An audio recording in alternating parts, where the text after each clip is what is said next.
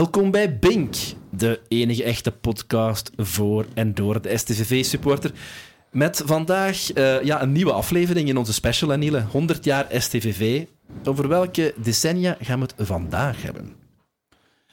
Dag Jan, inderdaad. We gaan weer een uh, special opnemen. En dat gaat dit jaar, deze keer zijn over de jaren 60 en uh, de jaren 70. De jaren 60, uh, niet voor niks de Golden Sixties, maar dat is inderdaad ook voor STV de gouden jaren. Waarover later meer. we hebben hiervoor ook twee gasten opnieuw bij ons. dat zijn Chris van Munster en Frederik Sanne. welkom. Ja, Hallo.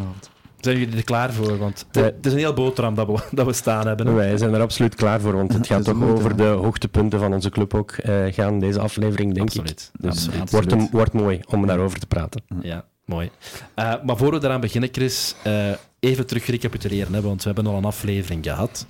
Uh, even terug naar waar we geëindigd zijn de vorige keer, namelijk in de jaren 50. Hè. De jaren 50 is wat men in de volksmond noemde de opgang. Mensen kregen meer koopkracht, konden meer dingen kopen. Een televisie voor het eerst in huis, een auto, iets wat we eigenlijk ons nu allemaal hè, vanzelfsprekend vinden, maar dat was toen zeker niet het geval. Mensen werden rijker en ook STV werd rijker. Hè. Uh, Chris, je hebt ons vorige keer verteld dat STV, en Frederik ook trouwens, je hebt ons verteld vorige keer dat STV bleef promoveren tot ze op het einde van de jaren 50 eindelijk de boorten van de eerste klas hebben ingebeukt. En hier gaan we dus ook het verhaal beginnen. Hè? Het verhaal van vandaag, het verhaal van de Golden uh, 60s, Niele. Dat klopt, Jan. Um, en ik denk dat uh, we daarvoor uh, ten eerste moeten kijken naar, onze, naar de trainer en niemand minder dan Raymond Goethals. Die was er al net voordat de 60s begonnen. Uh, maar ook naar legendarische namen zoals de pas overleden Lopoleunes en deze aflevering is ook een beetje een eerbetoon aan hem. Um, en um, ook uh, Frits van de Boer, Lolinga en nog vele meer. Dus ik denk dat dat uh, klinkende namen zijn in de geschiedenis van STV. En uh, laten we maar gewoon beginnen. Laten we gewoon beginnen, hè, Frederik. het verhaal van Goedals, hè, die kwam niet direct naar hier, heb ik zo in de voorbereiding gelezen. Ik dacht, zou denken dat is een no-brainer voor Goedals om hier te komen trainen, maar dat heeft toch wel wel geduurd voor hij de beslissing heeft genomen. Ja, Goethals was niet direct overtuigd. Nee? Misschien wel overtuigd, maar hij wou toch niet direct vertrekken in uh, Borgworm. Um, hij was dus eerst naar een uitgegaan om daar speler-trainer te worden in de tweede provinciale. Um, en het jaar daarna, 57, 58, begint hij in Stade Warem, waar hij direct kampioen speelde in vierde klasse. Amai, ja. Uh, eh, SCVV zit dan zonder trainer, de Rijke vertrekt. Um, en SCVV gaat hem ook vragen. Ja. Maar Goethals weigert. Goethals wil nog eerst een jaar met zijn jongens in derde klasse beginnen.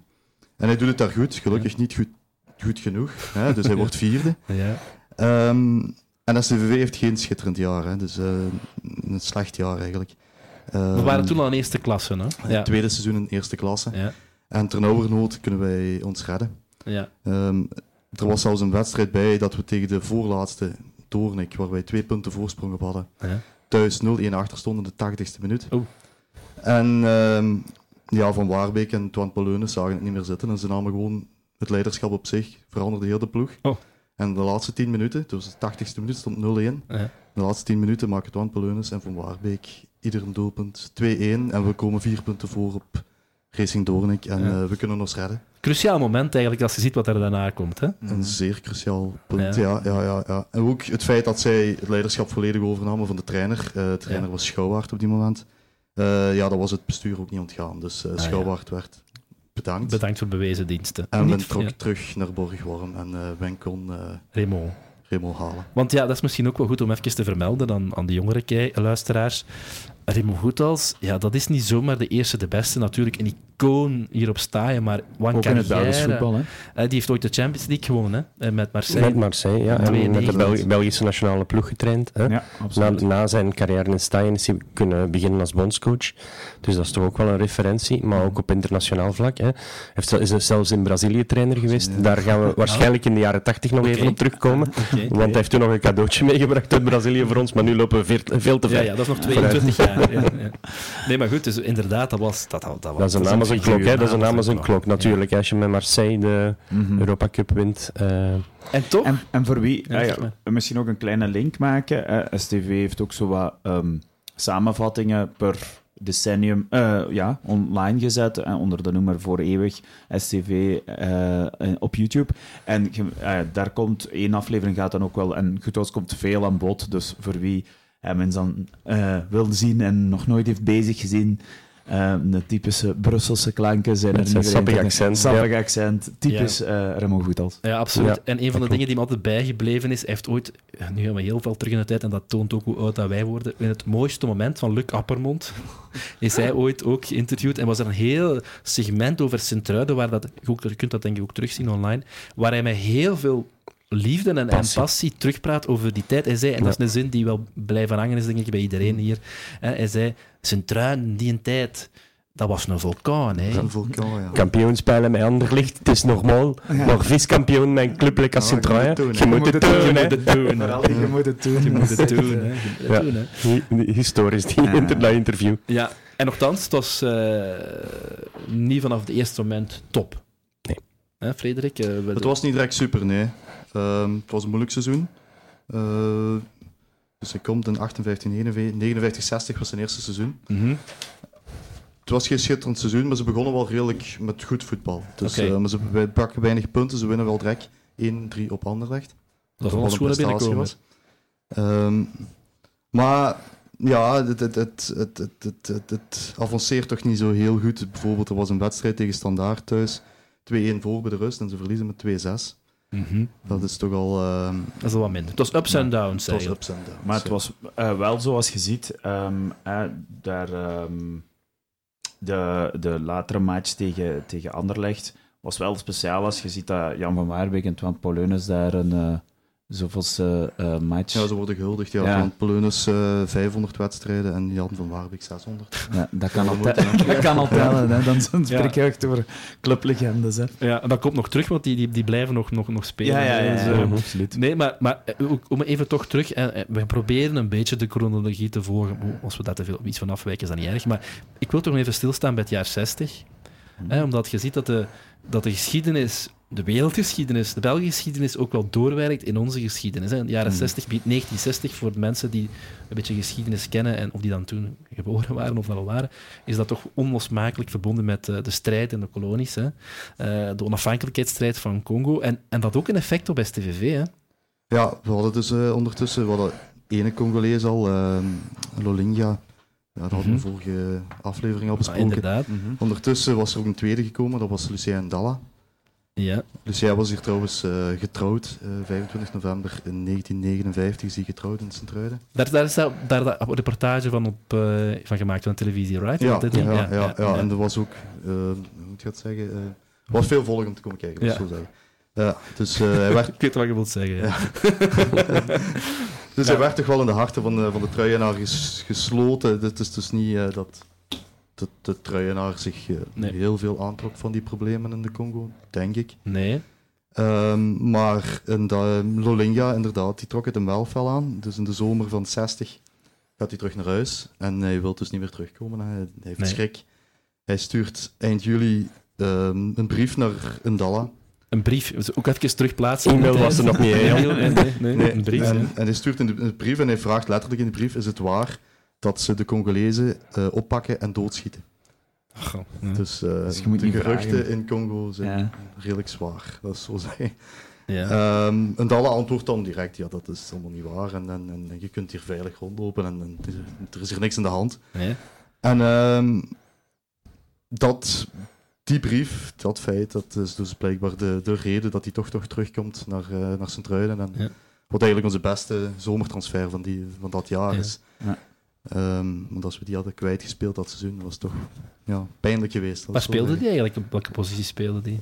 Dat was een aanvaller. aanvaller ja, dat was een aanvaller. Ah, ja, ja. We hadden toen wel al uh, ook Roger Maas gehaald. Inderdaad. Uh, bij Tieur.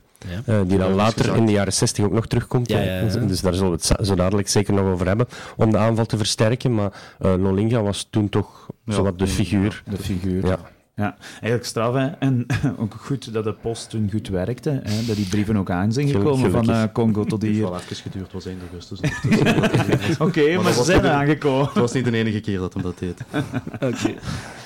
Ja, goed, en dan zijn we uh, de, de, jaren 60, begin de jaren 60, uh, 61, 62, dan wordt er verder aan de ploeg gebouwd, hè, want er worden nog een aantal namen binnengehaald die... Uh, klinken als een klok. Klinken als een klok, ja, zeg maar. Ja, eh, inderdaad. En, als je weet dat STVV Frits van den Boer gaat halen bij Anderlecht, die ondertussen, die was van Overpel Fabriek, als ik juist ben, hè, naar Anderlecht getrokken, en die was ondertussen al international.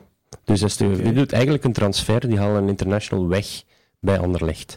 Dat is op zich indrukwekkend, maar was ook een heel belangrijke ja, transfer in de opbouw van onze, van onze club. Maar mm. Frederik kan daar misschien ja, nog iets bij vertellen. met, met Jurio. Maar ik kon niet met Jurio overweg. Ah, ja, ja. En uh, ja, dat was de uitweg. Uh, maar dan toch nog straf dat hij naar Centruiden komt. Op dat moment waren wij, ja, wat waren wij dan middenmotor? Ja, zelfs niet. Hè. Ik denk dat we hmm. twaalfde of zo geëindigd waren. Een paar seizoenen, vijftiende, twaalfde, twaalfde. Dus het is echt lage middenmoot. Ja, hè. Mhm. Dus meestal degradatiekandidaat. Maar ja, je ziet toch dat dan... Ja, dan Maas die erbij kwam, er was Lolinga, Van de Boer komt erbij. Dus de ploeg wordt, wordt stilaan wat sterker.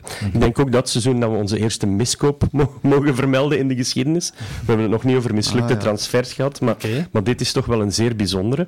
Want we trokken nog een Congolees aan. En het uh, zal ons niet verwonderen als er nog nooit iemand in Sint-Truiden van Henri Bambé gehoord heeft. Ik zag het in de voorbereiding staan, ik had er nog niet van gehoord. Werd uh, nogthans met grote bombardie binnengehaald. Ja. Oké. Eh, ook op aanbeveling van de twee Congolezen die er toen al waren. Die zeiden dat dat de beste speler was van Les, Dragons in Congo. Uh, en iemand met een ongelooflijk schot en dergelijke. Maar hij heeft dus nooit de eerste ploeg gehaald. Nee. Oké. Een paar matchen bij de reserve. Ja.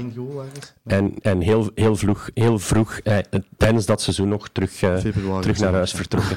dus dat denk ik, dat, die mogen officieel het label geven als eerste mislukte transfers. We hebben straks eind jaren 60 nog een paar uh, sappige transferverhalen, maar dat is absoluut de eerste, denk ja, ik. Dat, was, dat ruikt een beetje naar een quizvraag, toch? dat zou, zou we kunnen doen, ja. Goed, ja, dus we zijn dan, we zijn de ploeg aan bouwen, 61, 62. Maar belangrijk komt dan, hè, Jan. Ja, zeg maar. 62, 63, het debuut van? Niemand minder dan Lompoleunis. 62, 63 op, uh, niet toevallig trouwens, op 11 november, wapenstilstand. Want hij had congé als uh, Ja. Hij was, ah, hij was ah, militia. Ja. ja. en ook als we daar even uittellen, en volgende week is het wapenstilstand. We zitten dan echt uh, gewoon 61 jaar geleden was uh, het debuut van Lopoleunis. Ja, ja, ongelooflijk. dat was direct pannen van takken. Ja? Dat is niet normaal. Ja. Hoezo? Hij, speelt, uh, hij maakt daar een goal, een assist en krijgt een staande ovatie van Staaien. Dat, uh, ja, dat de, de platen daveren, dat is zo zeggen. Ja, een manneke van 19 die daar direct Gent naar de Filistijnen speelt, dat is zo zeggen. Ja. Ja, dat was gezien op staaien natuurlijk. En dan de achternaam, hè. de achternaam, dat was een klok hè, op staaien. Ja, dan creëert natuurlijk al een paar verwachtingen ook, hè, want zowel vader als oom hadden bij STVV toch al wel wat nou, gerealiseerd. Hè. Uh, als je weet dat Door Polonus was ook uh, op een van de eerste grote transfers. Uh, uitgaande transfers. Ja, uitgaande transfers na, naast Alberhazen, die naar Beerschot trok voor de Tweede Wereldoorlog, was er ook nog Door Polonus die naar uh, Tieur vertrok. Hè. Ja.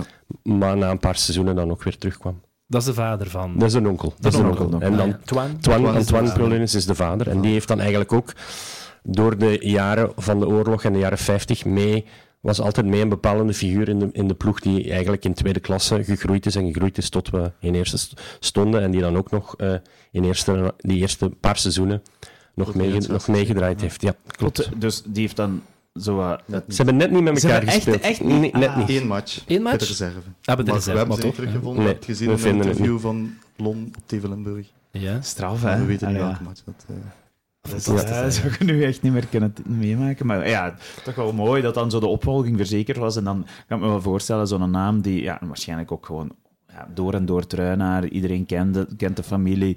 Eh, en dan komt daar zo die jongen kijken uh, en die speelt meteen de pannen van het tak. Ja, nooit meer uit de ploeg verdwenen. Hè? Nooit meer uit de ploeg verdwenen. En de derde match, dus de tweede match, was dan op Antwerpen, was iets minder. Ja, slecht weer, ja. wat moeilijker. Maar de derde match was thuis tegen Anderlecht en alweer uh, een goal en een assist. Goal en, assist. Goal en assist tegen, tegen Anderlecht en ze winnen 3-1. Ja. En uh, ja, alweer pan of een tak. Uh, Kiekenfretters konden niet volgen. Ja.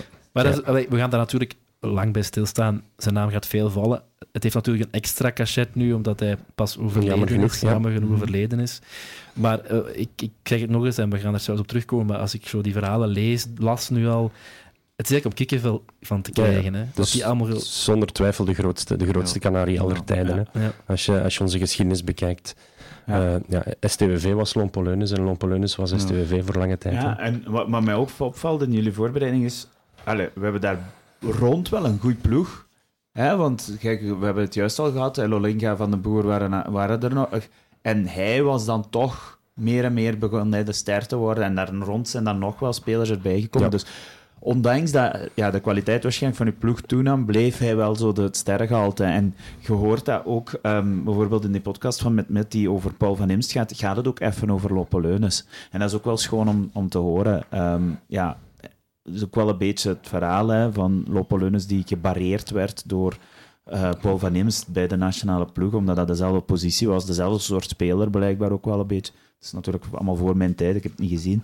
Maar je hoort dat dan wel, en dat is, ja, ja, maar, ja. waarschijnlijk was het niveauverschil niet eens zo groot tussen de twee, maar de ene zat bij Anderlecht en de andere bij STVV. Ja. En we gaan even verder in de tijd nu, terug naar de tijd. Uh, we zitten 62, 63, Alon is eraan begonnen. Uh, 62, 63, ja, we komen dichter bij die absolute topjaren, hè, want die we straks al even genoemd hebben. Maar professioneel kunnen we het toch nog niet allemaal noemen. Want ik las in de voorbereiding ergens dat, we, uh, dat er ergens uh, een training in een manege moest doorgaan. En... Ja, in de winterperiode. Maar dat was een hele zware winter, die, de winter van 63, 62, 63. Ja. Dus uh, tot 11 maart werd er niet gespeeld. 11 maart? Ja, dus zo slecht weer was het. Ja, ja. En zijn ze in de manege gaan spelen. En ja, de feestzaal, die iedereen misschien nog kent. Ja. Um, met de, met de replica van de Prustenpoort als stoel.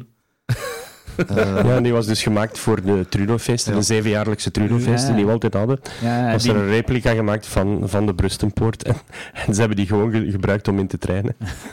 nou, een anekdote trouwens over die eerste wedstrijd. Dus de bond had beslist, we moeten spelen. Hè. Dus uh, er werd dus geen G7 meer, dat moet gespeeld worden. En die wedstrijd, de eerste, is op Lier. Ja. op Lier zit, het Lisp. En het veld is zo slecht dat er gewoon een vijver ligt in het midden van het veld. En ze hebben toen houten planken over het veld gelegd en met kruiwagens dat veld gewoon met witte zand bedekt, ah. dat dat water zo goed mogelijk geabsorbeerd was. Ja. En de match moest gespeeld worden. het was eigenlijk onbespeelbaar, maar het moest gespeeld worden. En we verliezen dan 1-0 met een lucky goal op corner zonder kans. Is geen, de hele match geen één kans. Een non-match. Ja. ja. Maar ja, ze moest gespeeld worden. Ja, en, zeg maar... maar ze spelen dat seizoen nog uh, enkele zeer sterke matchen. Ja. Uh, tegenwoordig, uh, Jan en Niele, hoor je profspelers en, en trainers zoals Van Hazenbroek wel eens klagen als ze hmm. op, drie op drie dagen tijd twee matchen moeten spelen. Ja. STVV moest dat paasweekend, ook omwille van die strenge winter uiteraard, op paaszondag thuis spelen tegen Antwerpen. Paaszondag, ja. ja. En op paasmaandag op het veld van Anderlecht. Dat is dus gewoon twee wedstrijden op twee dagen. En wat dat straffer is, tegen twee topploegen. Ja. Thuis Anderlecht geklopt en op Anderlecht gaan winnen. Hè.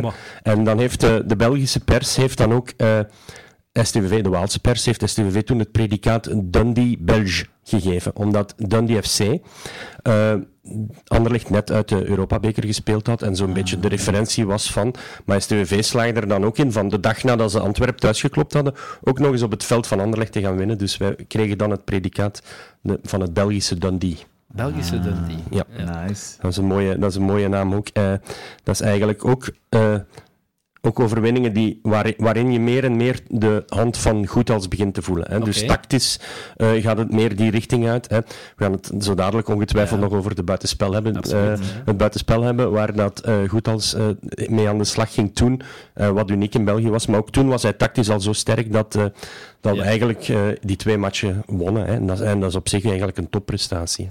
Ik zou dat als supporter misschien nog wel leuk vinden, zo twee matchen aan elkaar, zo twee dagen. Ja, zo, ja, zo paas, ja, als je toch niks te doen hebt. En, en, nu, in die tijd moet dat nog meer geweest zijn, want ja, toen hadden de mensen het voetbal als ontspanning en daarbuiten niet veel anders. Hè. Uh, nu hebben we allerlei mogelijkheden om dingen te gaan doen. Maar, maar ja, Niele, ik ben met jou, totaal met jou mee. Ik zou ook twee, twee matchen op twee dagen, ik zou het zien zitten. Maar uh, ik denk dat er dan heel veel trainers aan de klaagmuur zouden staan. Een nachtje doordoen. ja, zoiets. En dan direct terug naar de volgende. Ja.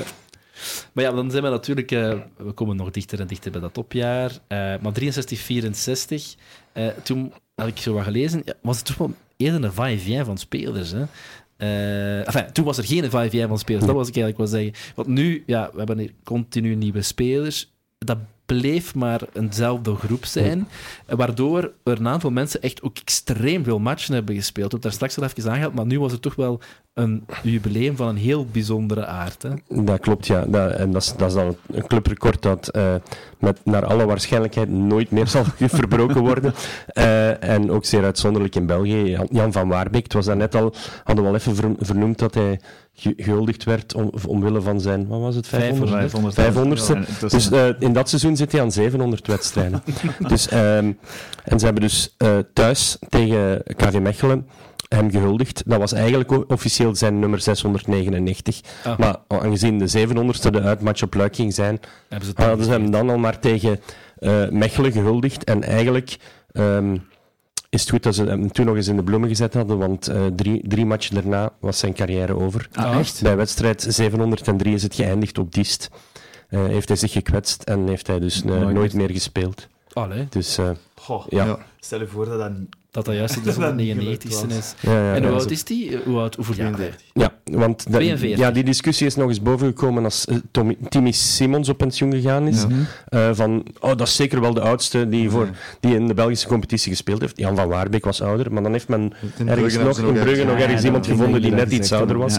Maar Jan van, van Waarbeek, begin in het midden van de oorlogsjaren, uh, of, of net voor de oorlogsjaren, net als uh, Kogel Kappeltans in de ploeg beginnen voetballen. En al die jaren meegegroeid met, met zijn club.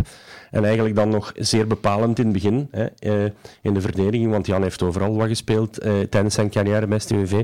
Dus toch chapeau hè, dat je op, op die leeftijd nog, nog zo'n prof bent. Had het er eigenlijk nog iets meer kunnen zijn, want hij, had, hij kreeg wel veel... Allee, sta je, zijn ze nog kritisch. Hè? Het schijnt, ja. Uh, en hij is twee keer eigenlijk gewoon gestopt. Hè. Dus hij heeft twee, dus sinds de twee seizoenen ervoor heeft hij twee keer gezegd, nu speel ik niet meer bij de eerste ploeg. Gewoon de kritiek De kritiek, hij was het, hij was het moe. Mm. Ja. het was zelfs toen, Jan. Telkens werd hij teruggehaald en telkens... Ja. Maar nu uh, hij had een gescheurde mild na een botsing met Van, Reus, van Roosbroek, van Diest.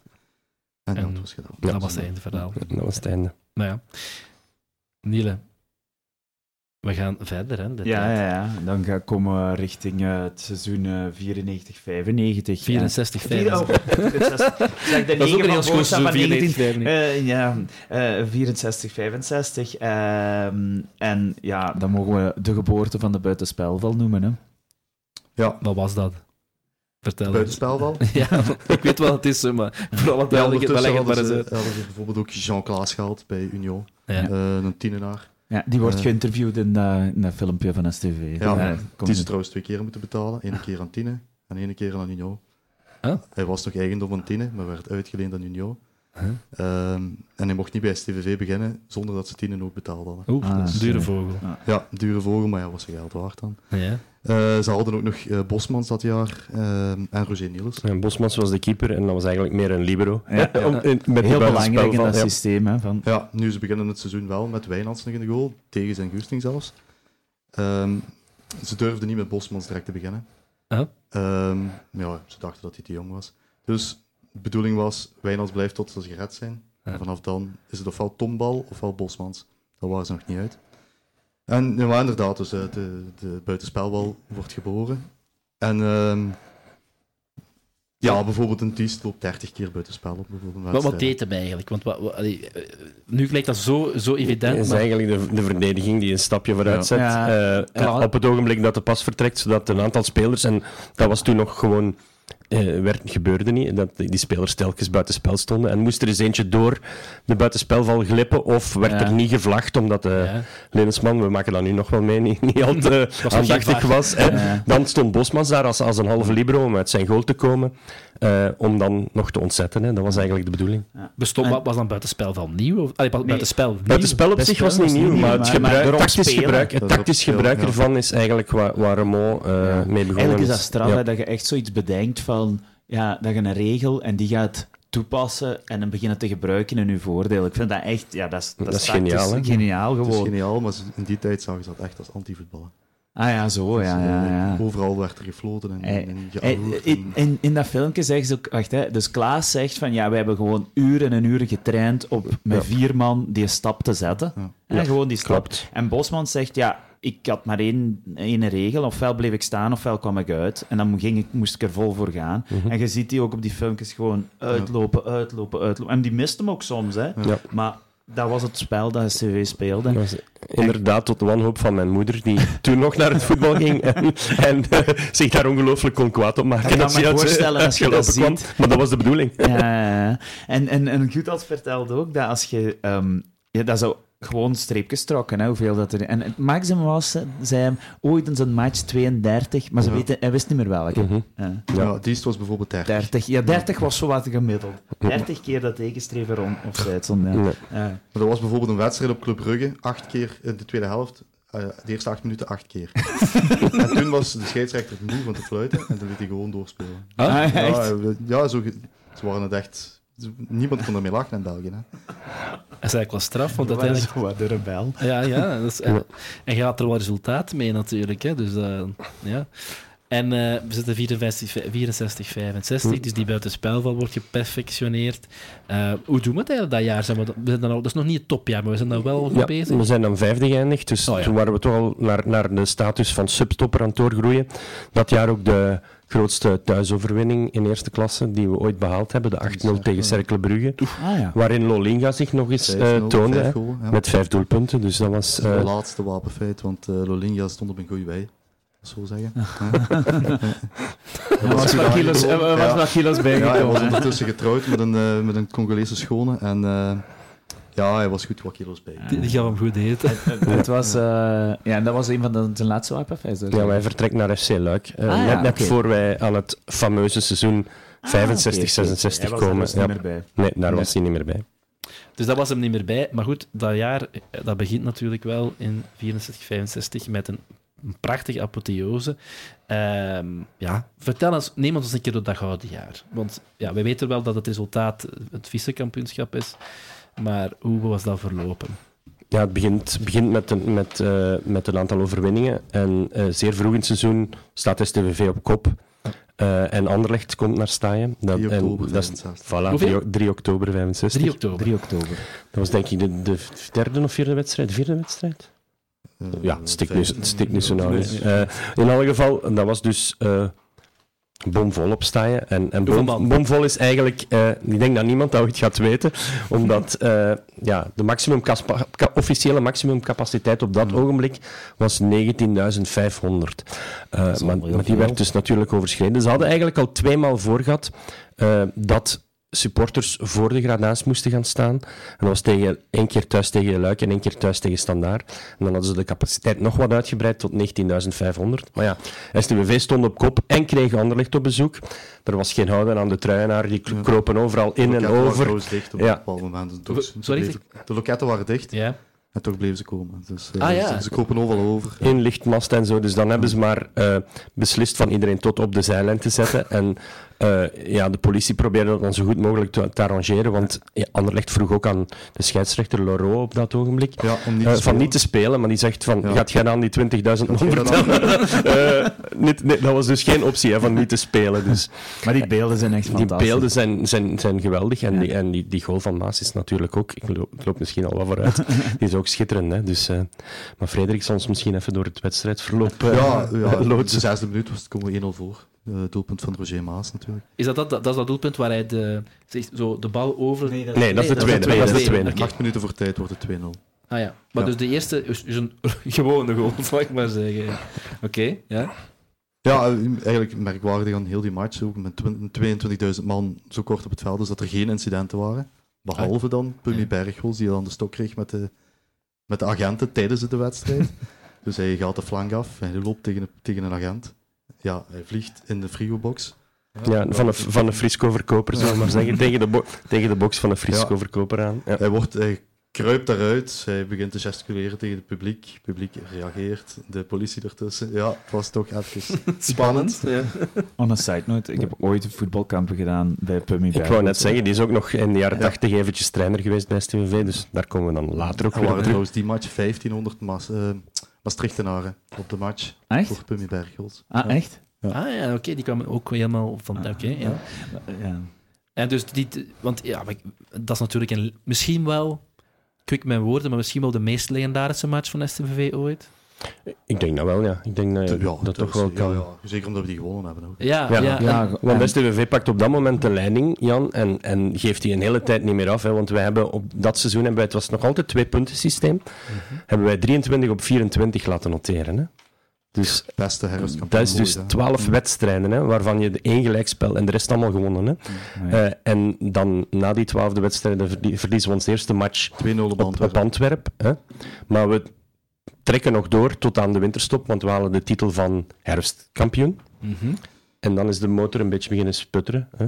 Ja, uh, eigenlijk, dus we verliezen dat punt op KV Mechelen. Ja, hè? We verliezen dat punt omdat we op een keer, uh, er is een tumult op het veld en echt vechten, letterlijk vechten. Met vuisten en alles. De spelers? De spelers, ja. De politie moet ertussen komen. Amai. En er krijgt één man een uitsluiting, dat is Frits van den Boer. En waarom, zegt de scheidsrechter na de match, ik had niks gezien, maar jij zit international en jij moet u gedragen. Oef. Maar dat kost hem dan wel twee uh, speeldagen uh, mm schorsing. En een van die twee speel speeldagen was de wedstrijd op Antwerpen. Oké. Ja, en, dus, cruciaal gebleken, ja. Ja, ja. Zonder, ja, zonder die rode kaart was misschien 24 op 24 geweest. Ja, ja, ja. En dan gaan we verder. Het gaat dan iets minder goed na de, na de winterstop. Ja, dat is een raar seizoen. Hè. Dus, uh, vier wedstrijden op rij verloren en dan in Anderlecht echt een afstraffing gekregen. Ah. Uh, eh, 6-1 verloren. 6-0 verloren, sorry. Ja, klopt. Trouwens, uh, als je het hebt over legendarische matchen, als we die hadden gewonnen hadden, was dat de legendarische match. Want daar was 11.000 man uit zijn truiden. Was er 11.000 man van Centruiden in, in, in, in 65 dan? Op, begin 66. Ja, ja begin, begin 66. Auto's vol, 83 bussen. Dat was gigantisch. Uh, van overal in Limburg kwam er aanvragen. Dat, ze konden ze gewoon niet kwijt op, op, op het veld. Uh, 36.000 man. Waren wij, laat ik eens dus door, waren wij toen op dat moment, ja, nu natuurlijk is Genk, laten we dat niet flauw voor doen, hè, uh, toch wel in nummer van toeschouwersaantal, dat was zeker de grootste club hadden wij toen... Het aura? hadden wij toen misschien Limburg... Ik wil dat moeilijk... Ik vind dat gevaarlijk om dat te zeggen, maar hadden wij toen misschien het aura inderdaad van de ploeg uit Limburg en... Ja, Beringen trok op die moment ook heel veel volk. Ja. Mm Beringen was het jaar ervoor vice-kampioen. Ah ja, ah, ja oké. Okay. Ah, okay. um, het match tussen Beringen en Sint-Truiden was trouwens... Ja, Sint-Truiden-Beringen was trouwens totaal uitverkocht okay. uh, het jaar ervoor. Ah, ja. Met een file op de Hassel weg tot en met. Um, maar ja, inderdaad, ja, wij, op dat seizoen zeker waren wij... Uh, Hadden wij een kans. Ja. Misschien lopen we al wat vooruit, maar wie wordt de Anderlecht dan uiteindelijk dat kampioen? Ja, klopt. En wij eindigen dan in extremis tweede met hetzelfde puntaantal als standaard, 40. Uh, eh, maar met, een beter, uh, met meer gewone wedstrijden. En dat was in België het criterium dan okay. nog uh, dus vice-kampioen. We verliezen die titel eigenlijk door, door ons eigen ook, maar ook omdat Anderlecht in ene keer Jan Mulder haalde. Ah, oké. Jan Mulder maakt die match, dat zit tegen ons vijf van de zes doelpunten. Pumie Bergots, daar wordt niet meer over gesproken, het was doen, Jan Mulder. Ja. En Jan Mulder, dat, dat, zul je wel hier en daar ook gelezen hebben, die kikte wel op staaien. Hè? Ja. Als brutale Nederlander, dat was zo van, uh, dat sfeertje, dat, dat uh, beviel hem wel, van hier te komen spelen met al die, met die mensenmassa en, en uh, het hevige publiek. Dus daar is hij nog vaak lyrisch in zijn columns over het oude staaien geweest. Dus ja, absoluut. Een mooie anekdote misschien is dat Racing Tine, Jan Mulder, wil halen het voor het jaar ervoor voor 4 miljoen Belgische frank. Maar zijn vader vond hem nog iets te jong. Echt? Racing Tine? Racing Tine, ja. Amai. Van waar kwamen die weten dat? Oh, Groningen, die kanten. Ja, ja. ja, dat is echt het noorden van, noorden van Nederland. En we hebben geen Europees gespeeld, zegt de, de naïveling in mei. Hoe komt het als je het vice-kampioen bent? Waren toen nog alleen maar Europese tickets voor de kampioenen? En de bekerwinnaar waarschijnlijk. En de bekerwinnaar. Ja, toen de voorloper van de UEFA-beker, dat was de ja beker der jaarbeurssteden. Ja, juist. Maar dat was echt maar voor profclubs, denk ik. Hè. En de Rapan Cup. En de Rapan Cup was, dat was de voorloper van de Intertoto. Ah, ja. Die was er ook. Maar Wat wij gelezen hebben, is dat ze niet wouden. Dat dat ja. geld kostte. En ze hebben dan zelf een Europese tour ingericht. Bijvoorbeeld de reis naar Spanje uh, tegen de nationale ploeg van Spanje gaan spelen. Ah, ja. Uh, wacht, dat is, het, wacht dat is misschien wel nodig om daar te verstoten. Dus we hebben ooit een Europese Tour gehad na dat seizoen. Na dat... dat was nog tijdens het seizoen, dat we tegen de nationale ploeg van Spanje gingen spelen. Tussendoor even. Tussendoor. Ja. Tussen, en daar hebben we dan toch kletsen. Er zijn ook twee... Ja, ja 5-1. Ja, 6-1. 6-1. Ja. God, ik zit er weer naast. ja, oh ja. Maar wie, wie, ja, dat is misschien... Dat is eigenlijk een heel mooie reis, hè, want dus we gaan met twee bussen mee, supporters, mm -hmm. uh, in het paasweekend. Ene bus stopt in Lourdes en ene bus rijdt door naar Barcelona. Maar die dag was er ook nog Real Madrid, Inter Milan in de Europa Cup 1. En de Spaanse voetbalbond beslist, uh, ja, we gaan die in Interland en Real Madrid niet samen laten spelen, niet op, hmm. hetzelfde moment. Dus ze vervroegen de match van STVV tegen Spanje van half negen naar 16 uur, naar 4 uur. Maar ja, in die tijd, niemand heeft een gsm. Hmm. Probeer dan die bussen maar eens te contacteren. Dus uh, in Lourdes krijgen ze nog iemand vast. En die bus arriveert aan de tweede helft. Maar de bus, de bus van Barcelona, die komt aan als de spelers al aan het eten zijn. Oké, die hebben hem het gemist. Ja, dus... Uh... Stel je voor dat je dan mee Een hele busreis naar Spanje en niks gezien van de wedstrijd waar je naartoe gaat. Dus, uh... Er waren geen... Want Spanje... Nu, dat is 50, 56 dat ik me hoofd heb. Zeker met Di Stefano. En uh, dat, dat, is niet van die tijd, neem ik aan. Die, ja, ja, dat is iets later, ja. ja. Maar goed, oké. Okay, En is dat... Als we gezegd Europese Tour, wat hebben ze dan is, hebben ze dan ja, nog... misschien overdreven, deze. Dat was, dat was het toe. Dat was het. dat nee, was het. we noemen dat een Europees ja. we, we, we, we nemen wat we kunnen Dat wel redelijk exotisch al. we, allee, bedoel, tegen Spanje speelt, daar gaan we niet ja, vaak tegen de nationale ploeg. Hij heeft innovatie gekregen trouwens, hè, om het goede spel. Ah, ja. ja. ja. ik, ik hoorde dat... Dat was... Ik denk dat hij opnieuw sorry daarvoor, uh, die podcast over Van Imst, dat ze dat ook daar vertelde. Ik denk dat ze dan ook met Anderlechtens tegen Nederland hadden, hebben gespeeld of zo. Dat werd mm -hmm. toen wel meer ja, gedaan. Absoluut. Ja, wij, we hebben in het begin van dat seizoen tegen Luxemburg ook gespeeld. Luxemburg mm. van kastje aan de muur gespeeld. Uh, kan ik me voorstellen. Ja, dat kan me nu nog voor. Wel, dat weet ik. Nu zou ik het misschien niet meer zeggen, maar... Ik heb die onlangs zien spelen ergens, uh, Luxemburg. Die waren niet zo verschrikkelijk slecht. Staat Morris daar nog altijd in de goal? Dat ja, ik dacht het wel. Ja. ja. We hebben daar trouwens nog eens tegen gespeeld. Uh, de periode van Cuevas en Rodriguez en zo. Ah, ja, uh, ja, in Luxemburg, want die ben ik nog gaan kijken. 3-1 gewonnen toen, ja. ja. Okay. En we hebben ooit een nationale ploeg van Benin met 7-1 ingekaderd. Ah, echt? ja. En wanneer was, dat dan? Nee, dat was 7-1. Ah. Ja. ik heb dubbel dat? gecheckt, want ik dacht ook dat het meer was. Maar... En waar was, wanneer was dat dan? Dat was op Staaien tijdens een voorbereidingswedstrijd. Dat was ja, een van de laatste wedstrijden voor het begin van het seizoen. Hadden die maar 11 broekjes bij? Jaren zo? Die wisten van broekjes ja, ja. als, die, als die wisselden? Ah. Ja, ja. dat, dat, was nog vrij amateuristisch op niveau van Benin. Dan. Dus die waren net iets te zwak tegen een, een, een STVV-ploeg die eigenlijk net in, aan, in, aanloop naar de competitie zijn ah, laatste wedstrijden speelde. Dus. Okay. Maar nu zijn we al heel ver, we gaan terug, veel verder in de geschiedenis. We gaan terug naar de jaren 60. Maar, ja. maar misschien nog, eh, dus in dat jaar, want er, eh, we hebben een aantal namen genoemd, maar um, eigenlijk is wat mij opvalt is nog niet zozeer eigenlijk uh, dat we Lopolunus fel hebben vernoemd. Hè. Het is zo, ah ja, je ziet dan ook weer dat die, dat die kern eigenlijk wel veel kwaliteiten had.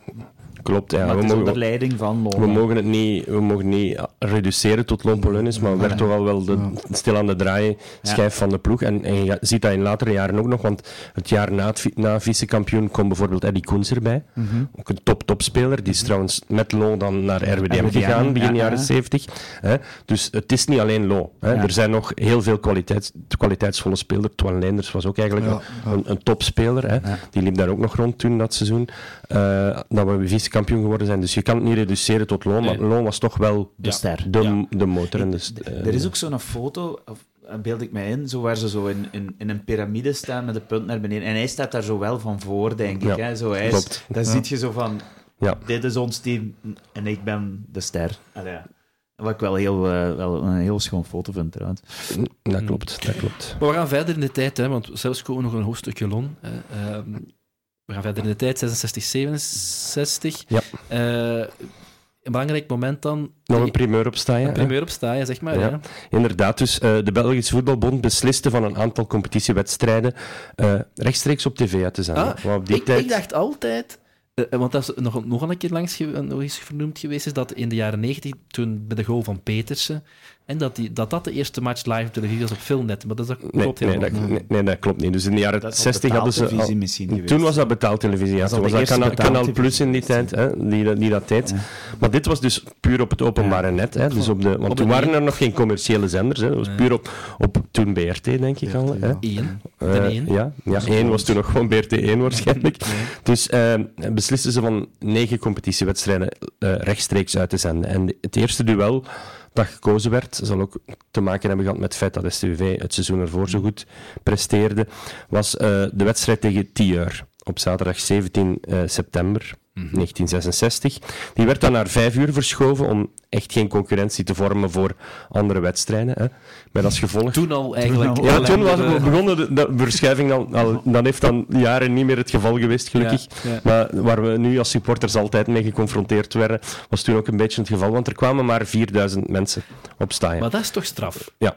Hoe komt dat? Je speelt eigenlijk het jaar ervoor meer dan 20.000 man. Je speelt vice-kampioen. En dan het jaar daarna, bam, ineens 4.000. Ja, ik denk, maar dat was dus de uitzondering. Hè, dus, want ze kregen nog wel veel volk. Ik denk dat ze alle mensen gewoon curieus voor een tv gaan, gaan zitten zijn. Ah, uh, want ja, de, de, de het aantal kijkers was, was toen, dat was allemaal nog niet zo gemakkelijk te bepalen. Dus uh, en daarna zijn ze die dingen beginnen meten en zo. Maar wellicht waren het er een aantal honderdduizend die die wedstrijd gezien ah, hebben. Uh, want ja, veel andere posten had je ook niet. Dus het was kijken naar wat er op tv was. Dus dat was dan STV 10 Trouwens met 4-2 gewonnen. Hè. Met, met ook vooral weer een, een, een, glansrol voor Frits van den Boer. Die met een afstandsschot van 25 meter scoort. En dan nog eens twee penalties omzet. Hè. Dus die maakte een hat-trick. Um, en STVV hield het, uiteindelijk kregen ze daar een compensatie voor. Maar ah, ze hielden niet superveel aan die wedstrijd over. Ook omdat er uh, verminderde publieke belangstelling was. Hè. Dus ja, uh, op zich hebben we dus wel het historisch feit dat wij de eerste zijn die live op tv gegaan zijn. Uh, als in een competitieduel in, in, in België. En is dat, Chris, ik denk dat mijn papa dat eens aan u gevraagd heeft, is dat een match waar er iemand door de tribunes was gezaakt? Of zo. Ja, daar heb ik eigenlijk nooit geen bevestiging van gevonden, ah, maar dat kan wel, ja. hij, hij, zei, hij vertelde van, ja, en ik denk ook dat die match op tv is uitgezonden. Ik denk dat dat... Wel, is misschien een goede... Dan moeten we nog eens op zoek gaan. Ja, of mensen, of die, mensen die er waren, ja. Kan nog, ja. Kan. Uh, het was trouwens ook nog voor een andere reden dat het historisch te noemen is. Het is de eerste keer dat er wissels gebeurden. Oh? Dat seizoen mochten, werden de wissels toegelaten. Daarvoor, daarvoor was er dus... Daarvoor was het dus 11 man en als je kwetsbaar speelde met 10 man verder, hè, dat was tot, tot 66 het geval. Dus in 66 mocht je 13 spelers op het wedstrijdblad zetten, 11 basisspelers en 2 vervangers. En dus die wedstrijd tegen Tieur was er een kwetsuur van Leenders en uh, mocht dus Staf Hendricks, dat is onze eerste wisselspeler ooit, die dan later nog aan 50 jaar STV heeft meegeschreven, ah. die, uh, dat was onze eerste invaller. Ah, uh, die mocht dus opdraven na, na 20 minuten. Dat is toch... Ah, ja.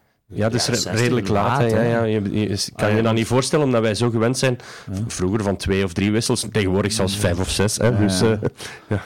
ja, er zijn zo dingen die, die, die zo terugkomen. Bijvoorbeeld hè, de discussie over de kalender. Uh, hè, die, maar er zijn ook dingen die echt een beweging zijn die het voetbal helemaal veranderd hebben. Bijvoorbeeld, hè, wat je nu net zegt, hè, dat is echt uh, ja, een groot, een groot verschil. Hè. Mhm. ja. Dus, maar we waren toch wel de eerste ploeg die uh, op televisie live is uitgezonden. En dat seizoen waren we ook nog een, een stevige sub, subtopper. Hè. En die Koens kwam erbij, die was meteen ook goed voor een aantal goals. Supersnelle speler, vinnige voetballer. Dus STVV was echt nog altijd een goede ploeg. Hè. Mhm.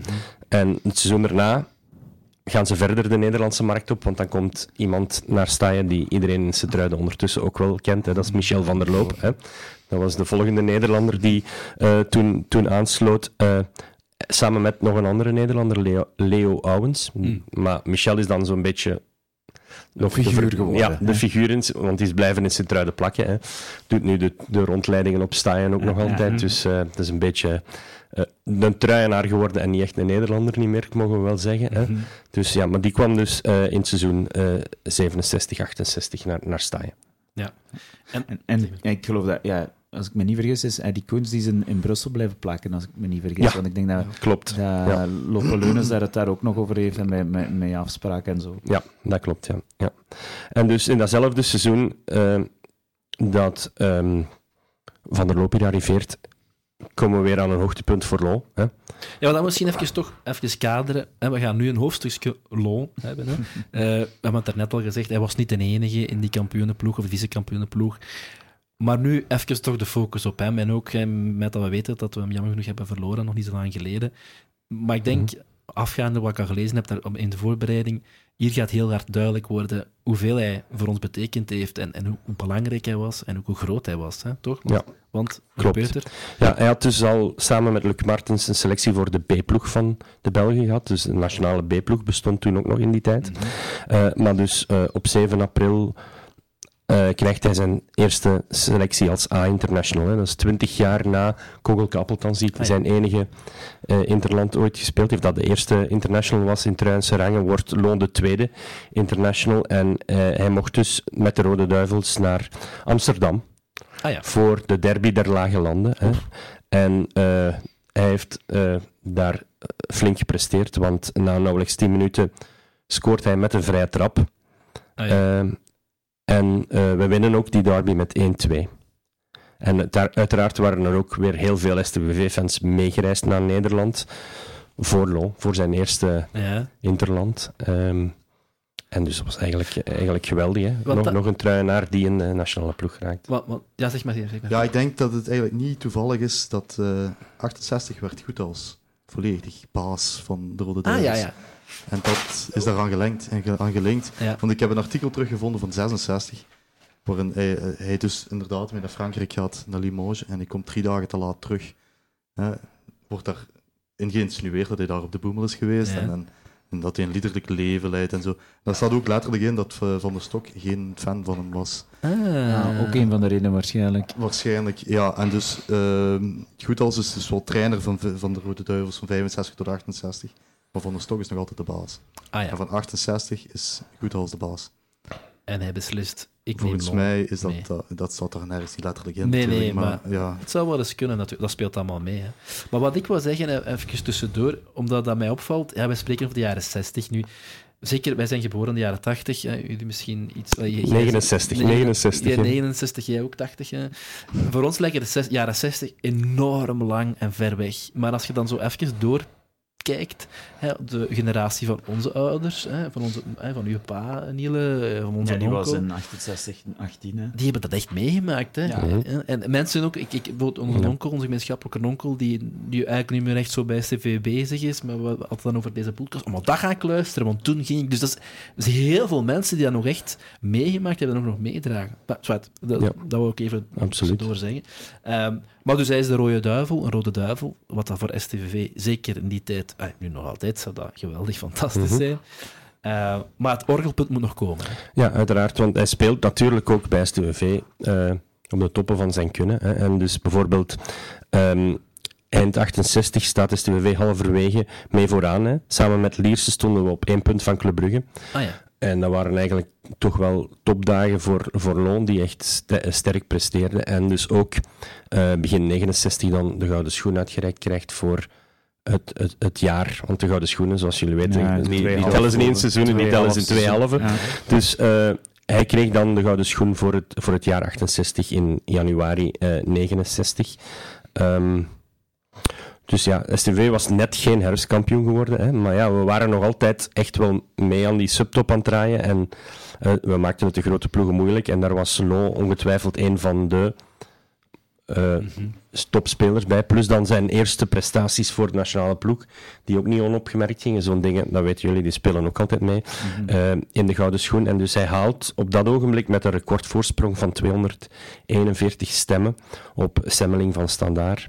En dan de derde was Jean Dox van Racing White, haalde hij de gouden schoen uh, voor STWV. Dus niemand kon naast Loon kijken, naast zijn prestaties, zowel bij club als in toen al zeven interlands. Toen was hij al aan zijn zevende interland en had hij in die zeven interlands al zes doelpunten gemaakt. Hè. Dus voor de nationale ploeg was hij ook top. Hè?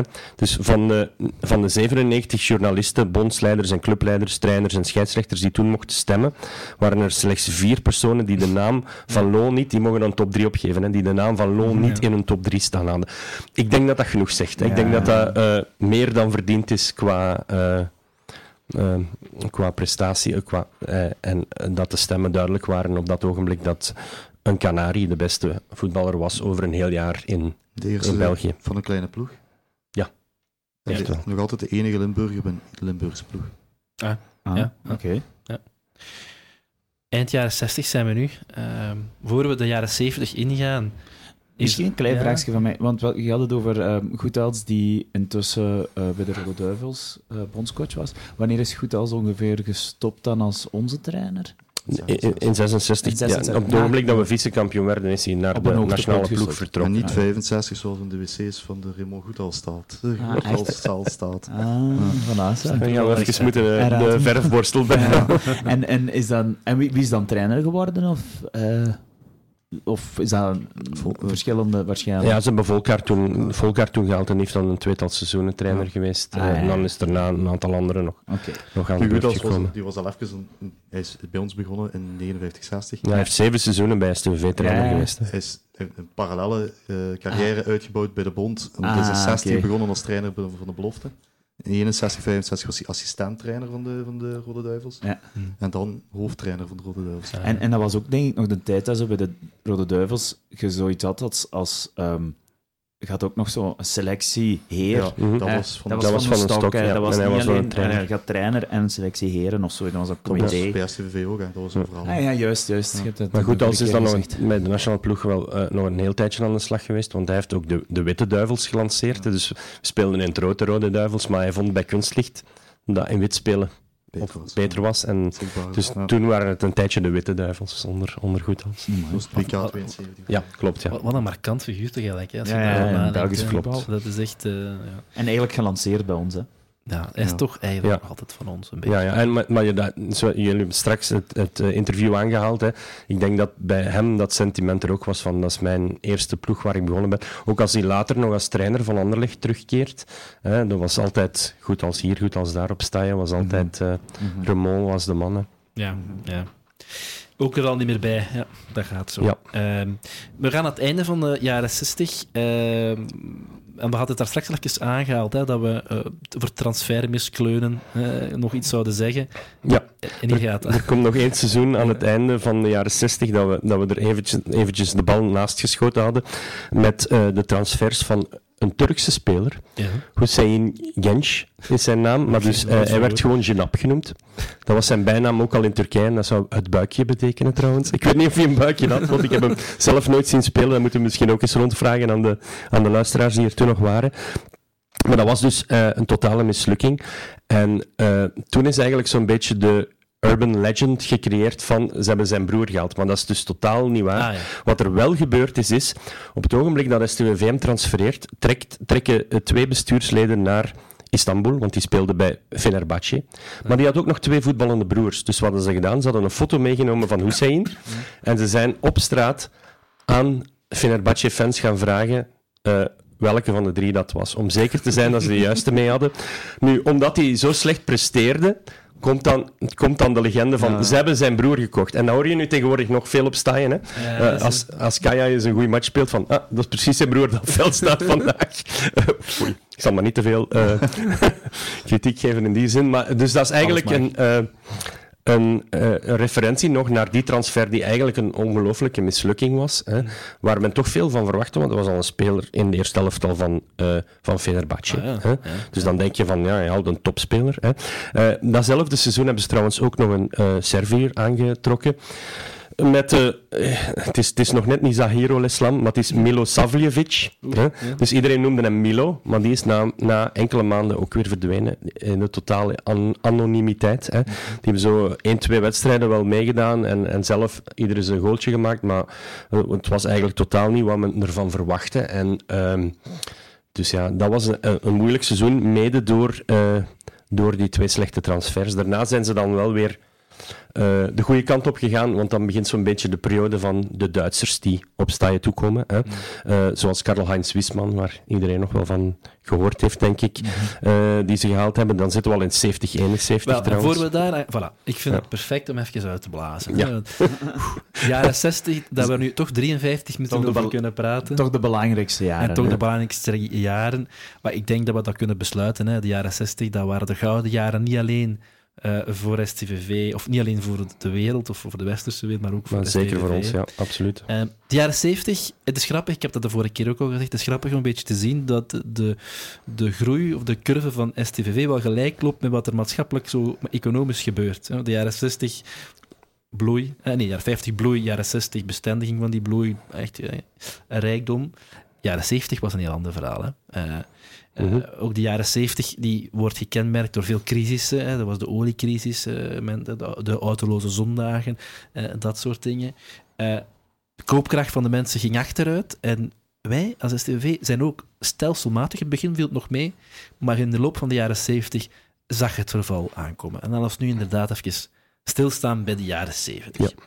Ja. Um, de jaren 70 eigenlijk, eh, als we kijken naar 70, 71, is dat nog niet zo slecht begonnen. Dat is nog een hoog, hoogtepunt, hè, want dan, dan, zijn we eigenlijk nog, uh, nog goed bezig. Uh, zowel in competitie als het feit dat we dan later dat seizoen de, de, onze eerste bekerfinale bereiken. Hè. Uh, dus ja, dat was zoals ik al zegde, een seizoen waar we met een aantal Duitse spelers versterkt werden. Uh, Dieter Henschel was ook zo'n speler achteraan, uh, die dan trouwens uh, eigenlijk een beetje ten onrechte ook nog tegen een lange schorsing is aangelopen. Hm? omdat hij ongelukkig in botsing gekomen is met, met, met, een scheidsrechter in een wedstrijd tegen Club Brugge. En de scheidsrechter die ehm, maakte een zeer zwaar verslag op. En hij heeft dan een schorsing van een jaar gekregen. Dat is dan dat zou nu niet meer, later iets, iets terug gereduceerd.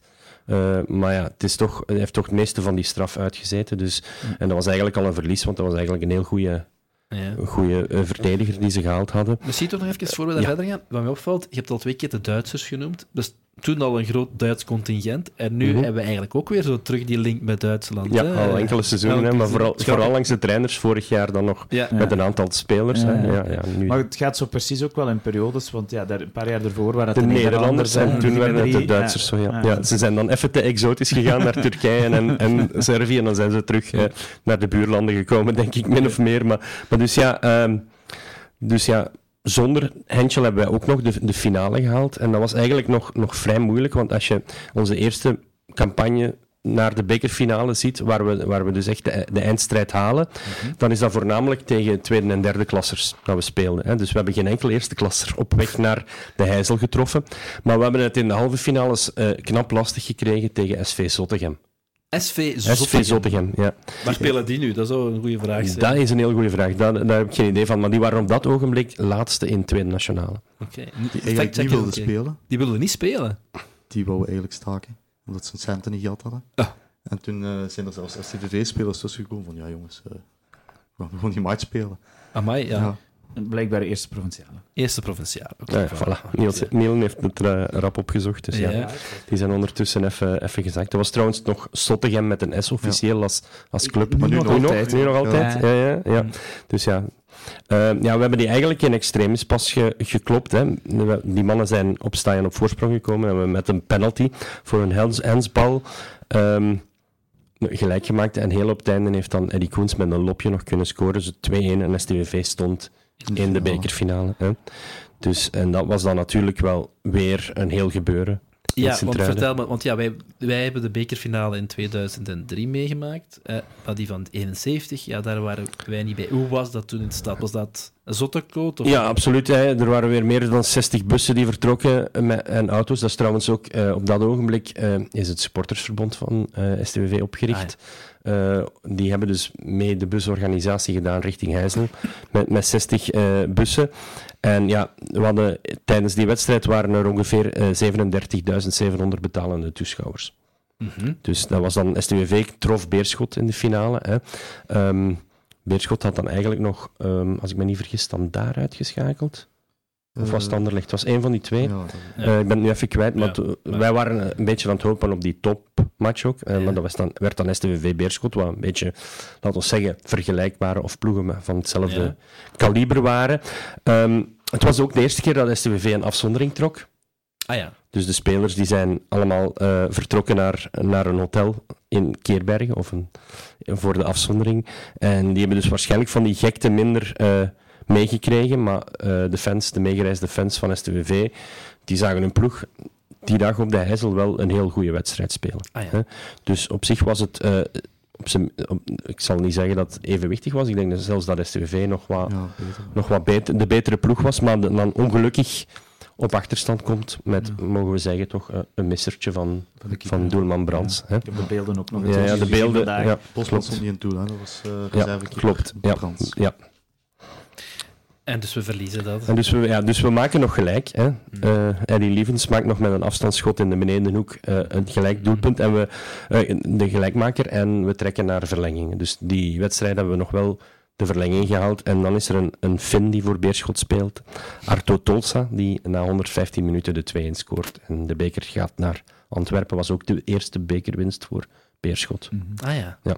Dus een van de twee ploegen had ah, de eerste kunnen krijgen. Ja, dat was absoluut... Was die twee jaar later dan nog eens de beker? Of hebben ze niet... Ze hebben dan, dan nog, ja. ja. Dus op dat ogenblik was bijvoorbeeld Jan Verheijen, uh, vader van ah, Gert Verheijen, uh, bij Beerschot aan de slag. Dus die was de kapitein en dat was dus de man die dan helaas, mogen wij wel zeggen, van onze kant de trofee. En blijkbaar de enige die ooit drie jaar op rij de beker heeft gewonnen. En want is dan naar Anderlecht gegaan en heeft hem twee jaar de beker gewonnen. Ah, ah dat zou kunnen. Heb ik toevallig zo straks gelezen. Ah, ik dacht al dat jij gewoon zo beslagen nee, nee, nee, nee, nee, nee. zeker, niet in de en zeker niet in de geschiedenis van Anderlecht. van Beerschot. maar goed, we hebben hem niet gewonnen, uh, wat, wat bijna typisch is geworden voor de ja. Um, en ja, de, de, de, de jaren zeventig gaan verder. Um, er komt nog wel een, hele, enfin, een naam met een, als een klok die bij STV terechtkomt in het begin van de jaren 70. Uh, ehm, een echte spits, iets dat we vandaag zeker zouden kunnen gebruiken. ja. um, Alfred Riedel, hè? Dat klopt. En wie, was, wie was dat en wat maakte hem zo succesvol? Waar, van waar die, die, die blijvende naam? Ja, zijn start bij STV was eigenlijk niet goed. Huh? Uh, was een speler uh, toch met een zekere reputatie al, want ze zijn die bij Austria Wien gaan halen. Um, waar hij topschutter was al in de Oostenrijkse competitie geweest. Dus ze hadden toch wel een spits van een zeker kaliber aangetro aangetrokken. Maar uh, in de heenronde viel dat eigenlijk tegen in het seizoen uh, 72-73. En hij is pas echt, zijn scoremachine is echt pas beginnen aanslaan, laat ons zeggen, in de terugronde. STVV was toen ook zwaar tegen de degradatie aan het knokken. En het zijn eigenlijk de doelpunten van, van Riedel die grotendeels STVV ook uh, in eerste gehouden hebben. En, in 73 uh, dan? In 73, ja. ja. Ja, dat klopt. En misschien even ertussendoor, hoe deden we het de jaren ervoor in, in, in de competitie gemiddeld? Ja, het was, het was iets minder dan, dan uh, de, periode goed als en daarna. En uh, ja, je zag okay. zo een beetje afzakken. Maar okay. met, met, uh, met een aantal van die Duitse versterkingen hebben we dan, dus 69 was nog een moeilijk seizoen, hebben we toch weer behoorlijke prestaties neergezet. Okay. Um, maar dus dat seizoen was het al wat minder. Hè. -hmm. En je zal zien dat die trend zich gaat, gaat voortzetten. Maar dus ja, um, in, in, in de laatste elf wedstrijden bijvoorbeeld haalde STVV 13 punten. Um, en dat was toen twee punten systeem. Twee punten systeem nog altijd, ja. En uiteindelijk finisht de club nog op een uh, veilige dertiende plaats met uh, eh, 25 punten. Mm. En op dat ogenblik uh, wordt Riedel ook uh, topschutter voor STVV. Dus is dankzij zijn goals vooral dat we... In de Belgische competitie? Ja, in de, de Belgische competitie, samen met de Rensenbrink. Dus uh, het was, ah, waren twee spelers die met 16 doelpunten ja. eindigden. En, en Rensenbrink toch aangeschreven als een van de beste spelers ooit toen die periode in België. Hè. Dat klopt. de naam. Hè, ja. Wat we misschien ook moeten aangeven is dat uh, Lompoleunis dat seizoen uh, met een zware blessure uh, sukkelde. Die was aan de knie geopereerd. Dus die heeft ook een heel stuk van dat seizoen niet meegespeeld. Hè. We hebben nog altijd zoiets van, zolang Loon bij STVV er was, hè, ja, dat draaiden het wel altijd nog. Hè, dus, ja. Maar dus dat seizoen, toen we Loon grotendeels moesten missen, eh, zijn de goals van Riedel die ons voor een groot deel erdoor, mee erdoor gesleurd hebben. En uh, STWV is dan toch wel... Um, toch wel net in, in, in eerste gebleven. Er waren ook een aantal jongeren die uh, op dat ogenblik stilaan doorbraken, zoals Ludo Mignolet. Die gaan we ah, ja. later ook nog tegenkomen. Zoveel wedstrijden voor STWV gespeeld. Maar daar gaan we een deel over de jaren 80 waarschijnlijk iets meer over zeggen. -hmm. En Erik Maas, dat is ook nog een jongere die toen, toen doorbrak. -hmm. uh, dus ja, um, dat was op zich uh, dan een seizoen waar het wat moeilijker ging, maar dat we toch ja. nog uh, doorgespart voilà, Je zag al, hè, het wordt moeilijker ook omdat Long er niet bij was veel. Hè? Ja, nogthans was het STWV-bestuur daar niet helemaal meer van overtuigd, want op dat ogenblik dachten ze van ja, die knieoperatie, ja, het gaat nooit meer de oude worden, we gaan hem laten vertrekken ja, naar, voilà, naar Dat is een van de redenen geweest. Hè? ja. En hij vertrekt dus? Hij vertrekt dus naar de nieuwe fusieclub in, in het Brusselse, RWDM, Racing White Haring Molenbeek. Hè. Mhm. waar hij dan samen met onder andere Koens, maar ook Bos, Boskamp, zoals, je, zoals we gezien hebben bij het overlijden van Loon, nog altijd een hele goede vriend van hem, mhm. die daar echt hoogtepunten maken. En de nieuwe fusieclub wordt kampioen met Loon, Koens en Boskamp in de rangen. Hè. En was een aantal jaren een hele stevige ploeg in België en ook in, in Europa. Ja, iets later ook, gaat ook van Linster dus... naar, hè, trouwens. Ah ja. Ja, echt. Maar je ziet toch wel dat uh, eh, Lon is dan weg en dan gebeurt het. Ja, toevallig of niet toevallig, het seizoen dat Lon vertrekt, uh, degradeert de STVV. Ja. En, uh, en is dat niet, want um, even, doen toch even terug weer stilstaan. Hè? is dat niet het einde van de. Hè, want we gaan natuurlijk, we zakken hè, eh, natuurlijk naar tweede klas. Dat is het einde van een hele mooie lange periode. Eh, niet toevallig dan dat Loon ook stopt. Is dat misschien ook wel een beetje gelinkt aan de legende, de mythe Loon Poleun? Is dat, en zolang die er was, je zegt het, dan loopt het nog wel goed, komt het nog wel goed. Ja. En zegt dat ook niet heel veel over dat, uh, wat hij voor ons betekend heeft? Ja, absoluut wel. Hè. Ik denk dat. Uh zoals ik zeg, van het bestuur had dat misschien wat, wat onderschat ook. Hè. Anderzijds, Lo had natuurlijk al x aantal keren aan, aanbiedingen gehad van grotere clubs uit het buitenland, dat hij telkens toch weer bij STVV gebleven was, of dat men hem wist te overtuigen van bij STVV te blijven. Dus ja, die naam blijft onlosmakelijk verbonden hè, met, uh, met onze club. Hè. En ja, ik, zeg, ik denk, en dat is niet omdat Loon net uh, komen te gaan is, ik denk dat, dat we gemakkelijk dat we mogen zeggen dat dat de grootste aller tijden is hè, van onze club. Als je ziet wat hij allemaal gepresteerd heeft, wat hij daarna ook nog bij RWDM presteert, hè. Mm -hmm. want dat is toch wel, toch wel straf. Dus ja. Maar ja, bon, uh, Loon vertrekt en STVV, nogthans Riedel maakt dat seizoen 17 doelpunten, wordt mhm. geen topschutter. Uh, ondanks die 17 doelpunten komen we terecht in de eindronde. Want het was de eerste keer dat er een eindronde georganiseerd werd. Met de twee laatste van eerste en met twee ploegen uit um, tweede klasse. Ah, ja. Twee ploegen naar eerste mogen. Ja, ja. klopt. Ja. Dus we hadden dan uh, Eupen, Winterslag en Lierse.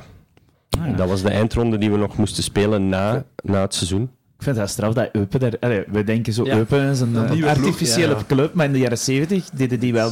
Dus, ja, ja, ja, dat klopt, dat klopt. En dat was eigenlijk een super spannende eindronde, want al die ploegen monnen van elkaar speelden gelijk, dus alles stond zo een beetje nog op hetzelfde niveau. Op de laatste speeldag kon eigenlijk iedereen er nog mm -hmm. in blijven of uh, uitgaan. En STWV verliest dan in Lierse en degradeert daarvoor, daardoor... Uh, na, na zoveel seizoenen. Hè. Na hoeveel? Uh, na... Ik moet even nadenken. Van, van 57 tot 74. 17 seizoenen? Ja.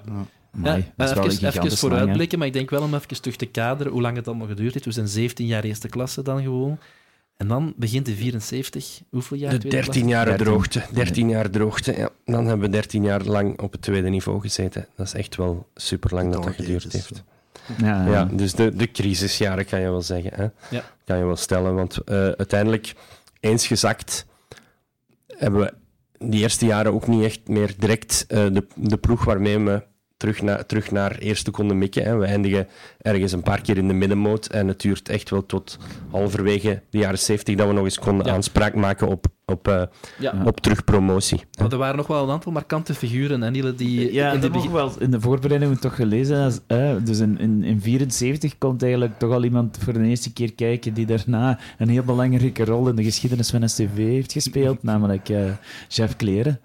Ja, nu Jeff was wel al langer bij STVV aan de slag, ook bij de jeugd en, en dergelijke. Uh, en ook in de technische staf. Maar als, uh, in seizoen 74, 75 um, wordt Walter Neefs, ex-speler van STVV, die in de eindronde nog overgenomen had als trainer, wordt aan de kant geschoven.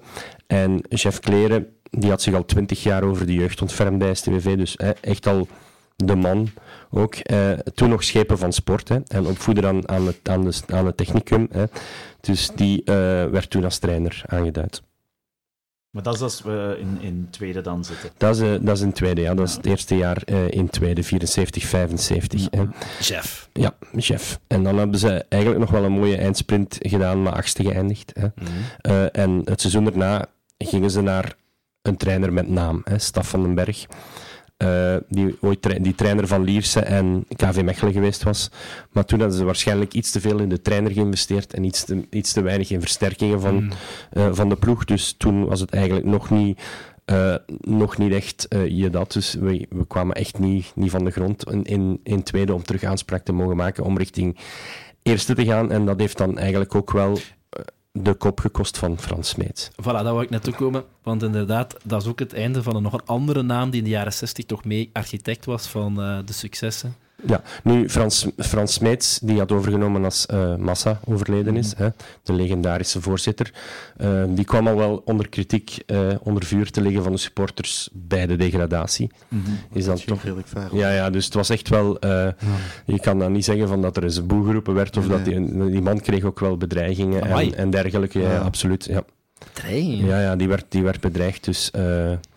En de supporters waren echt niemals. Dus ja, uiteindelijk kon hij dat ook niet langer volhouden, denk ik. En is hij dan uiteindelijk ja, na, een, na iets meer dan één seizoen in tweede opzij gestapt. Want uh, doe me zo we denken toch al, dat was toch een beetje het beeld dat bij mij leeft dat uh, in de jaren 60, jaren 70 wat minder, want dan is het opkomst van het hooliganisme en zo. Maar zeker de jaren 60 dat er zo al wat een soort van vredelievende massa naar de voetbal kan kijken. Maar dat is nu toch al verschillende keer doorprikt geweest. Uh, dus, uh... Ik denk dat we bij onze eerste aflevering in 20 al over, over, over hooliganisme gehad hebben en dat het eigenlijk niet ophoudt en dat het van alle tijden is. Dus ja, en de bedreigingen aan, aan het adres van Smits, die waren eigenlijk toch wel ja, zeer serieus te noemen. Ja, ja. Was heftig. Het ging ver. Ja. Maar dat is bijvoorbeeld ook in de jaren 60 een match geweest tegen Olympique Charleroi dat gesneeuwd had en dat de wedstrijd moesten staken omdat uh, de scheidsrechters met sneeuwballen belaagd werden. uh, dus... dus... misschien iets minder, uh, iets minder straf, maar toch. ja, ja. Dus ik smijt ook nog eens graag met sneeuwbal. maar het kan hard, aan, het kan hard aankomen. Ja, ja, dat is waar. Dat is waar. En neemt dan, want Smeets neemt dan ontslag. En, ja. we hebben nog heel even een tussenpauze gehad, maar dan kwamen we aan, aan het periode Lambeetse. Ah, dan is het al een periode. En dat is vooral de jaren 80. Ja, ja, ja, ja, een stuk van de jaren 70 en dan de jaren 80 ah, dat, uh, dat Gilan Beets dan... Want die was iets eerder al in het bestuur gestapt. Ik ben nu even kwijt wie dat interimvoorzitter... De naam valt, valt mij even niet te binnen. Maar bon, die man heeft ook maar heel even aan de macht geweest. En, en wie waren zo die spelers die dan... Um, ja, want ik zag bijvoorbeeld... want dat weet ik dat mijn papa daar nog over vertelde. Als, als keeper was het dan Tossini. Ja. Maar zo voor de rest. Je had ook nog Staf van Hout, die mee gedegradeerd was met STVV, die een tijdje in het tweede gespeeld heeft. Um, Staf Brankhouten was erbij, ah, bijvoorbeeld. Um, in die tijd hadden ze een aantal spelers, uh, zoals Gebelen, aangetrokken voor de aanval en zo. Dus uh, Etienne David was er ook nog bij. Die, um, dat was een neef van Lopoleunis, die eigenlijk lang bij STVV ook gevoetbald heeft, die mhm. dan op een bepaald moment een zwaar verkeersongeval heeft gehad, want daar heeft STVV nog een benefietwedstrijd voor georganiseerd en, en dergelijke. Dus uh, uh, die, dat was ook nog een van de sterkhouders in, in de verdediging. Dus we hadden eigenlijk nog op zich wel geen, geen slechte ploeg, maar ook niet top-top om direct, uh, direct, direct, te promoveren. Mm -hmm. Nu in 76, 77 lukt dat dan toch hè, uh, om, om, om lange tijd mee te concurreren, want STVV eindigt uiteindelijk in die competitie tweede na, gedeeld tweede, moet ik zeggen, na kampioen Boom. Hè. Mhm. En die tweede plaats werd met drie ploegen gedeeld. Union, Union Patro IJsden en STVV worden tweede. En uh, natuurlijk, je zat toen al met die periodetitels in, in tweede klas. Normaal mag de tweede aan de eindronde meedoen en de drie periodekampioenen. Maar ze zaten nu met drie tweedes. En Union had al een periodetitel, dus dat maakt, maakt het makkelijk. Union mocht al gaan meedoen. Maar daarnaast hadden La Louvière en Waterschei een tweede periodetitel gepakt. Dus er bleef er nog één plaatsje over voor Twee ploegen. STWV en Patro IJsde. Ah. En wat moest er dan gebeuren? Ja, dan heeft uiteindelijk de bond maar beslist van een testwedstrijd te organiseren tussen STWV en, en Patro IJsde. Um, dus ja, die moesten dan op neutraal veld uh, aan de slag tegenover elkaar. Ja. Uh, en dat werd een super spannende wedstrijd, met ook weer 7000 toeschouwers, wat toch uh, een behoorlijk aantal was voor, voor een tweede klasse match. Uh, maar dat loopt dus eigenlijk verkeerd af voor STWV. Hè. Dus um, STWV krijgt, krijgt, al vroeg een vrij gecontesteerde strafschop. Hè. Ja. Uh, Matosini pakt die. Uh, maar um, Etienne David die wordt wel uitgesloten. Dus STWV met tien man ja. aan de slag. En zij slepen nog verlengingen uit de brand. Dus, uh, maar uiteindelijk verliezen ze in de verlenging met 2-1 van. Dus daar waren een aantal uh, van de spelers bij die we, die we genoemd hebben. Nog, één, nog één vermelding, misschien speciaal om jullie een pleziertje te doen. Uh, onze gemeenschappelijke vriend uh, Matthias Kempeneers, ja. die een, ah, van, een van jullie eerste gasten waren. Ja. Zijn papa speelde ah. in die wedstrijd ook mee, Herman Kempeneers. Ah, oké. Okay. oké, kijk.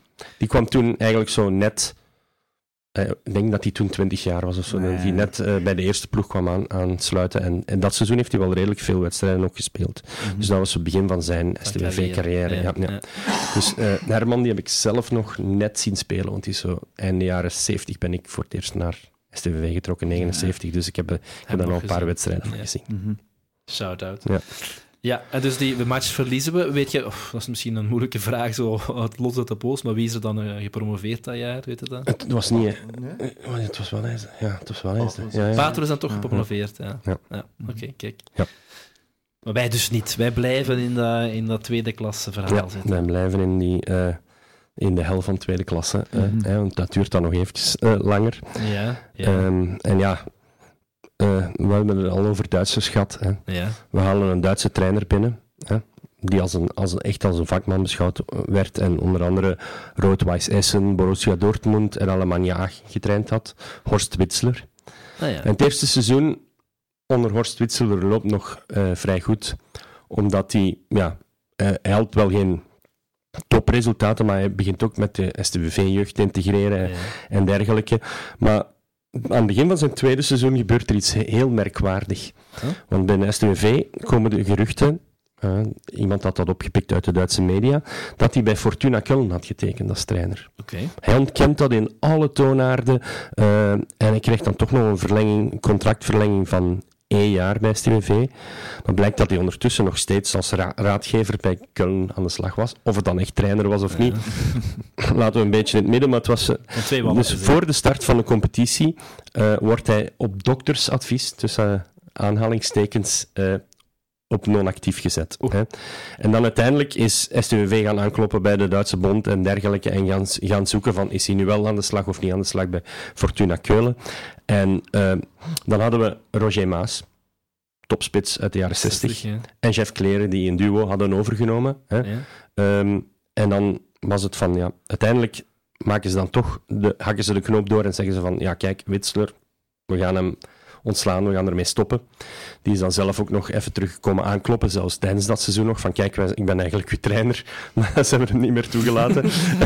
en dus ja, toen had je zo'n beetje ja, je zegt de trainerscarousels die we bij STV wel gezien hadden. Dus was het Witsler? Nee, het is toch chef Kleren. Dan, dan neemt Maas het over, met of zonder chef. Dus het was een beetje, het was eigenlijk allemaal een beetje nogal, uh, nogal verwarrend. Hè? Ja, Dus uh, ja, dat was eigenlijk ook een, een, een zeer raar uh, seizoen. Nochtans een seizoen waar ze eigenlijk... Maar ik onthoud, ik onthoud vooral wel ook, onze eerste buitenlandse trainer was ook een Duitser dat klopt. Ja, we zijn terug met twee Duitsers op. Ja, ja, ja. En dat was toen niet echt een succes. Nu, nee, ja, nu, dat, seizoen, dat seizoen speelden ze eigenlijk nog uh, redelijk goed. Hè? Maar ze hadden ook weer de pech dat er uh, een periode van vier weken was dat alles onderbroken werd omwille van de winterse uh, toestand ah, op het veld. En dat STWV eigenlijk nog uh, een aantal top, topaffiches, zoals tegen leider Cercle, hè, Cercle stond toen aan de leiding, moest verschuiven. Mm -hmm. En STWV had eigenlijk op korte tijd uh, een heel deel uh, inhaalwedstrijden te kregen ze te verwerken. Op het ogenblik dat ze in een goede positie stonden. Maar ze moesten in, bijvoorbeeld in, ma in maart, in de maand maart, moesten zij zeven wedstrijden spelen. Dus en ja... Het waren ook allemaal niet professioneel, dat moeten mensen ook... Uh, ja. Er zijn mensen die aan het werken zijn mm -hmm. ook. Hè? Ja. ja. en uiteindelijk werd dat er iets te veel aan. En daardoor zijn ze hebben ze ook niet echt tot het einde van het seizoen mee kunnen. Want ze draaiden op dat ogenblik aan de winterstop stonden ze nog wel redelijk goed geclasseerd. En maakten ze dus nog kans, maar ook dat seizoen wordt het helaas niks. Hè? En dan zijn we aan het einde van de jaren 70 al. En, uh, en dat ik me dan afvraag, zo in de jaren 70, jaren 60, uiteraard duizenden mensen op staaien. Uh, jij zit op je kijken en de jaren ja, 70. in 79. Hoe, hoe, was de sfeer toen op staaien? Was er toen veel volk nog in tweede klas? Ja, kijk, als klein mannetje is, er, ja, is, er, is er veel volk als je dan uh, op zo'n wedstrijd komt. Maar ik denk, dan was het echt niet zoveel meer. Nee. nee. Er kwamen 4.000, 5.000 misschien nog Toch kijken. ja. Ja, soms minder. Hè. En je zal ook zien dat dat dan tot een aantal aantal financiële perikelen leidt die in de jaren tachtig naar boven gaan komen. Met de verkoop van Stein en zo. Maar nu ben ik al naar de volgende aflevering uh, aan het, aan het uh, doorbomen. Dus einde jaren zeventig. En we zitten vast, vastgeroest in die, in die tweede klasse eigenlijk. Er is toch één ding dat ik uh, nog wil opmerken. Is ehm, de derby. Hè?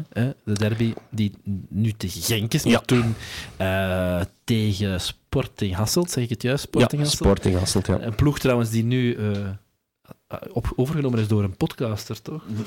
Ja, ja klopt. Ja. Die, die, wordt nu gehyped en dat was eigenlijk toen uh, zo'n beetje...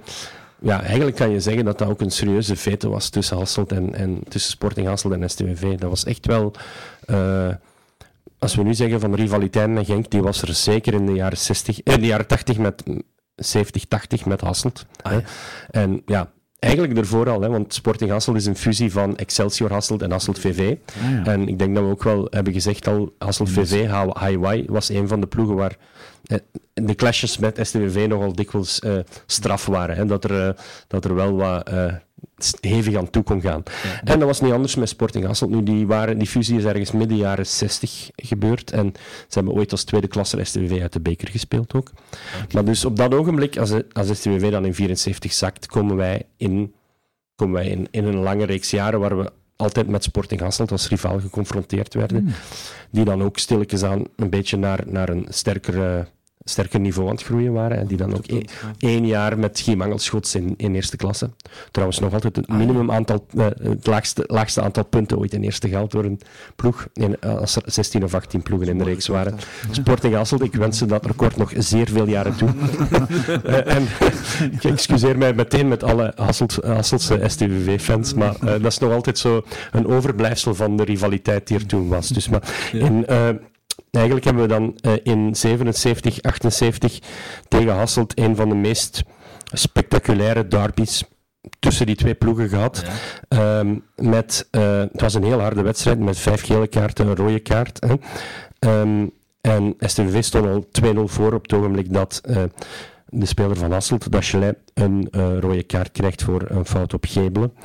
En uh, toen konden ze tegen tien man met Gebelen vooraan. En ook uh, Benny Meeuws, die uh, trouwens in 77 met uh, UEFA's van de Belgische, de Belgische nationale UEFA-ploeg Europees kampioen geworden is op de Heijzel. Um, later nooit echt verder doorgebroken, want het is bij STWV en Diest blijven spelen, zo'n beetje op dat niveau staat de Leuven. Maar die was er toen wel bij, die stond toen in de spits met Erwin van den Berg, mm trouwens. Ja.